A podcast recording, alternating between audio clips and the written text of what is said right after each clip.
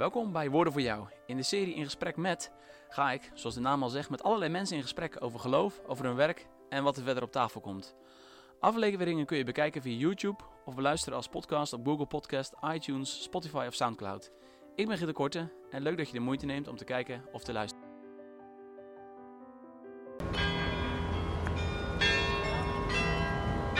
Voor deze aflevering van In Gesprek met ben ik naar Gouda gereisd. Gouda, een stad met een rijke geschiedenis en prachtige gebouwen. Als je de stad binnenkomt lopen, dan straalt de geschiedenis je toe. Mooie gevels, de oude kerken, de bedrijvigheid van een stad. Gouda, de stad die ook bekend staat om zijn kaas. Midden in de stad staat op de markt het oude stadhuis. Dit stadhuis is al sinds 1450 in gebruik. De stad heeft ook veel burgemeesters gehad. Matthijs de Grande, Joris de Lange, meester Melchior Gerard van Rietveld. Het zijn zomaar wat namen uit lang vervlogen tijden. Vandaag heb ik een gesprek met de huidige burgemeester Pieter Verhoeven. Hij is sinds 13 november 2019 burgemeester van deze stad.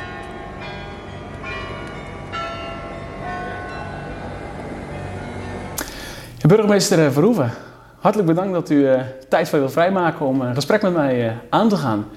U bent de burgemeester van deze prachtige stad. Ja, eigenlijk mijn eerste vraag is eigenlijk, wat heeft u toegebracht om burgemeester te worden? Want dat is niet iets wat iedereen zomaar bedenkt als hij nog jong is. Nee, voor mij is het burgemeesterschap toch echt wel een soort jongensdroom. Misschien mag ik wel zeggen een, een roeping inmiddels.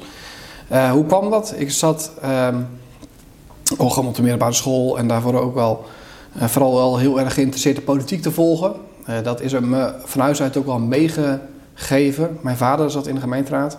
Mijn opa was actief voor de SGP. Als bestuurslid, ooms zaten in kiesverenigingen. Dus ik kwam echt uit een politiek geëngageerd nest. En zodra ik ook kon lezen, was ik geïnteresseerd in nieuws, las ik de krant. Dus dat zat er al voor jongens af aan vroeg in. Maar ja, de kans dat je met mijn achtergrond burgemeester wordt is ook niet zo heel groot.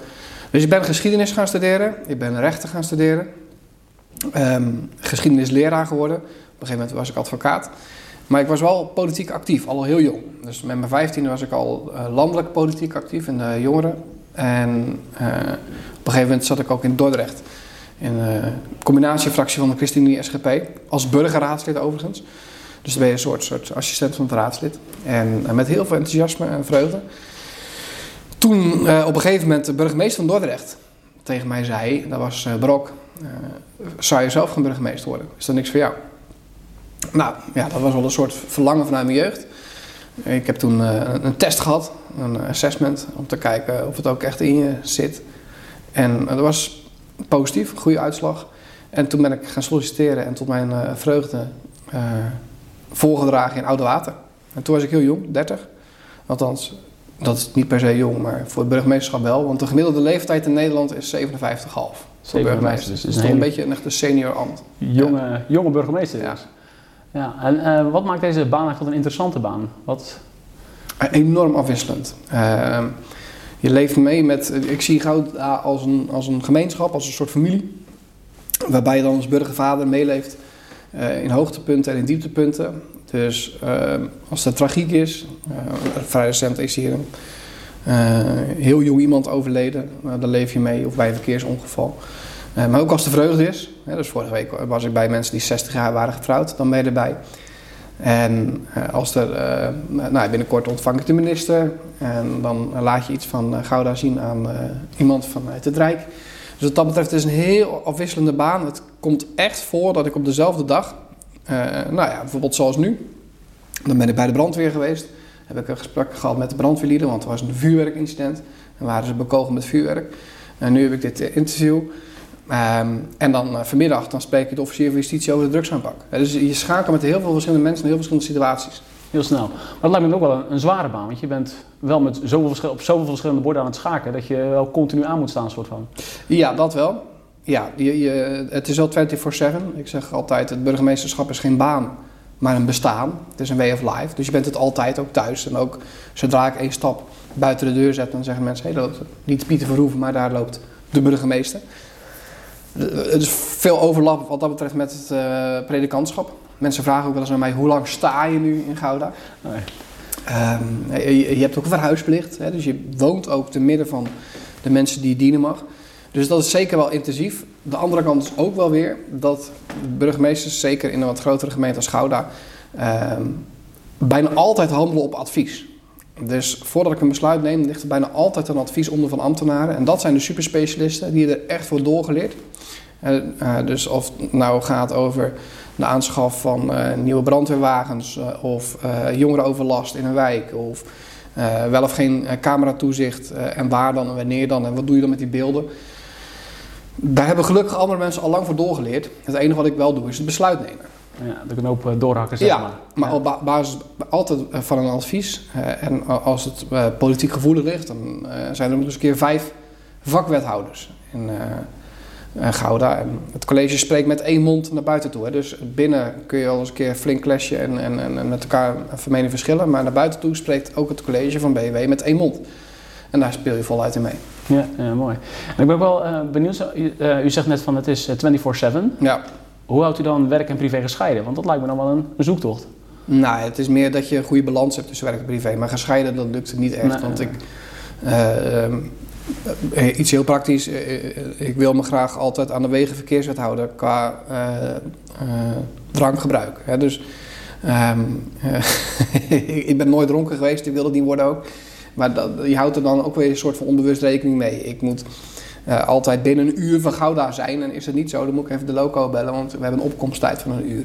Ook privé. Hè? Dus als ik op vakantie uh, ga, uh, dan moet ik ook echt weg. Dan moet ik ook uit Gouda. Niet omdat ik me in Gouda niet ontspannen kan. maar hier zijn altijd mensen die, ook als ik op de markt boodschappen doe, toch me aanklampen. En ik vind het ook belangrijk hè, om een aanklampbare burgemeester te zijn. en die dan hun dossier met me delen. Ja. Dat gebeurt echt ter hoogte van de aardappels of ter hoogte van de kibbeling. En dat is ook goed, denk ik, dat het gebeurt. En uh, dan moet je zorgen voor een goede balans. En die balans zorgt er wel voor dat ik, ik ben uh, meer gaan sporten. Uh, ik denk dat daar... Ik, ik heb een reformatorische achtergrond en daar is dat altijd toch een beetje verdacht gemaakt. wedstrijd, sport zeker, hè, of dat je aansluit bij een sportvereniging. Voor mezelf denk ik dat het heel goed en heel gezond is om dat wel te doen. Mm -hmm.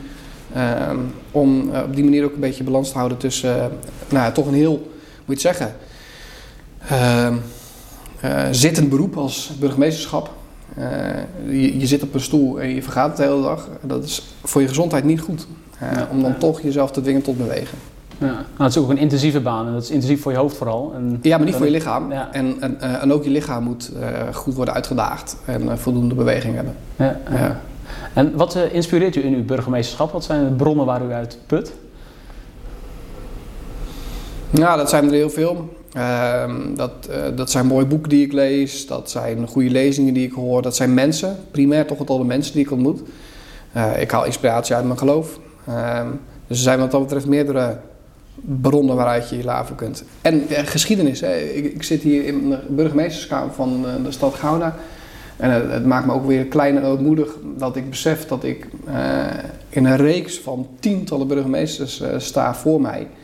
Uh, die hier ook hebben gezeten. De kussens die zitten daar in de vitrine. Het, echt het burgemeesterspluche.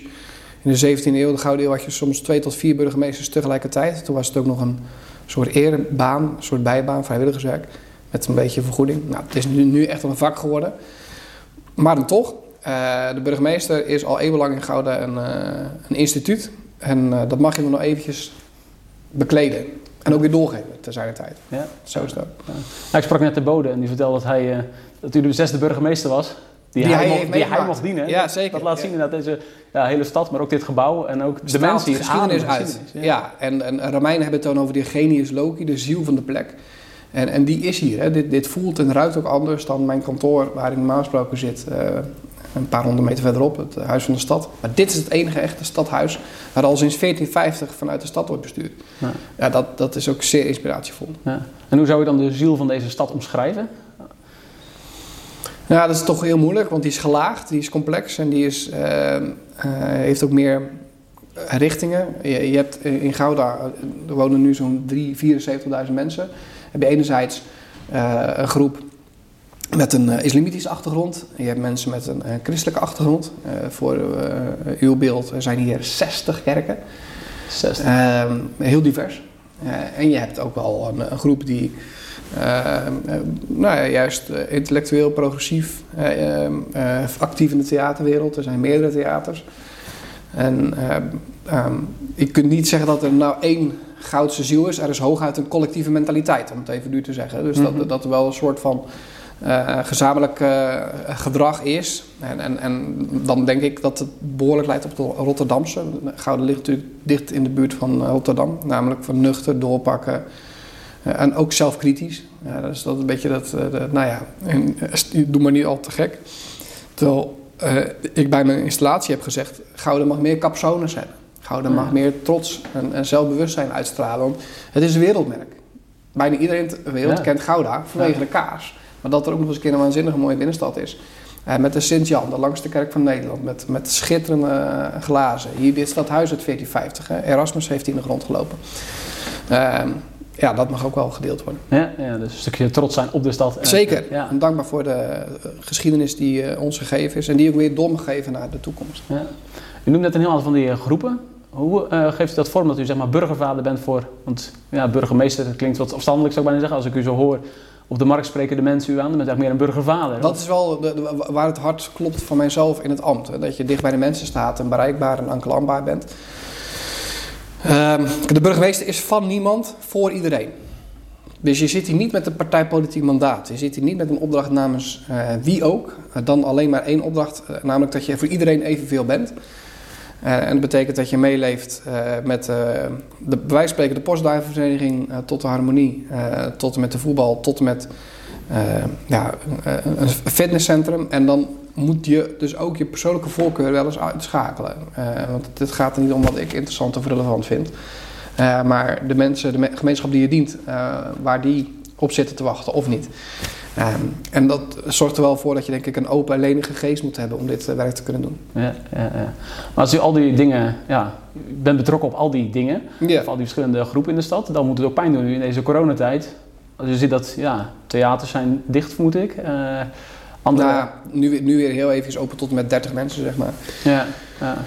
Ja, het is verschrikkelijk moeilijk. Eh, want juist eh, de sectoren die eh, zingeving en, en hoop en perspectief en ontspanning en ze- zelfrelativering bieden. En dan eh, heb, ik dus over de culturele sector, eh, de, de concertpodia, maar ook de the- theaters, maar ook de kerken, de musea. Die waren of gesloten of zijn zeer beperkt in bezoekersaantallen. Eh, ik vind het ook wel eens ingewikkeld, omdat de commerciële sector eh, tamelijk eh, veel ruimte krijgt en heeft gehouden. En dus eh, het meest pijnlijk vond ik kwam dat samen in, gelukkig is dat weer opgeheven, eh, het eh, recente besluit om bijvoorbeeld uitvaarten te maximeren op 30 mensen. Ehm, nou, eh, ik woon dichtbij een uitvaartcentrum. Daar tegenover zit een bouwmarkt. Ik vroeg aan die bouwmarkt, ik zeg, hoeveel mensen zijn er nu vandaag geweest? 1200, zei hij. Ehm, terwijl daar tegenover moet je neven en nichten wegsturen om niet naar de uitvaart van oma te gaan. Nou, dat voelt voor mij... eh, eh, nou, dan gaat iets mis in mijn cons- constitutie als burgervader. Ik vind dat niet fair. Nee, Dan- nee, eh, dan, eh, bij wijze van spreken, dan, dan, dan- dan wordt de mammel op het, op het hoogaltaar gelegd. Mensen staan in de rij voor de primarkt, voor de praxis, voor de intratuin en voor de bouwmarkt. En ik gun het ze, want ik snap dat je dan daarheen gaat als Ja. je niet naar andere plekken mag.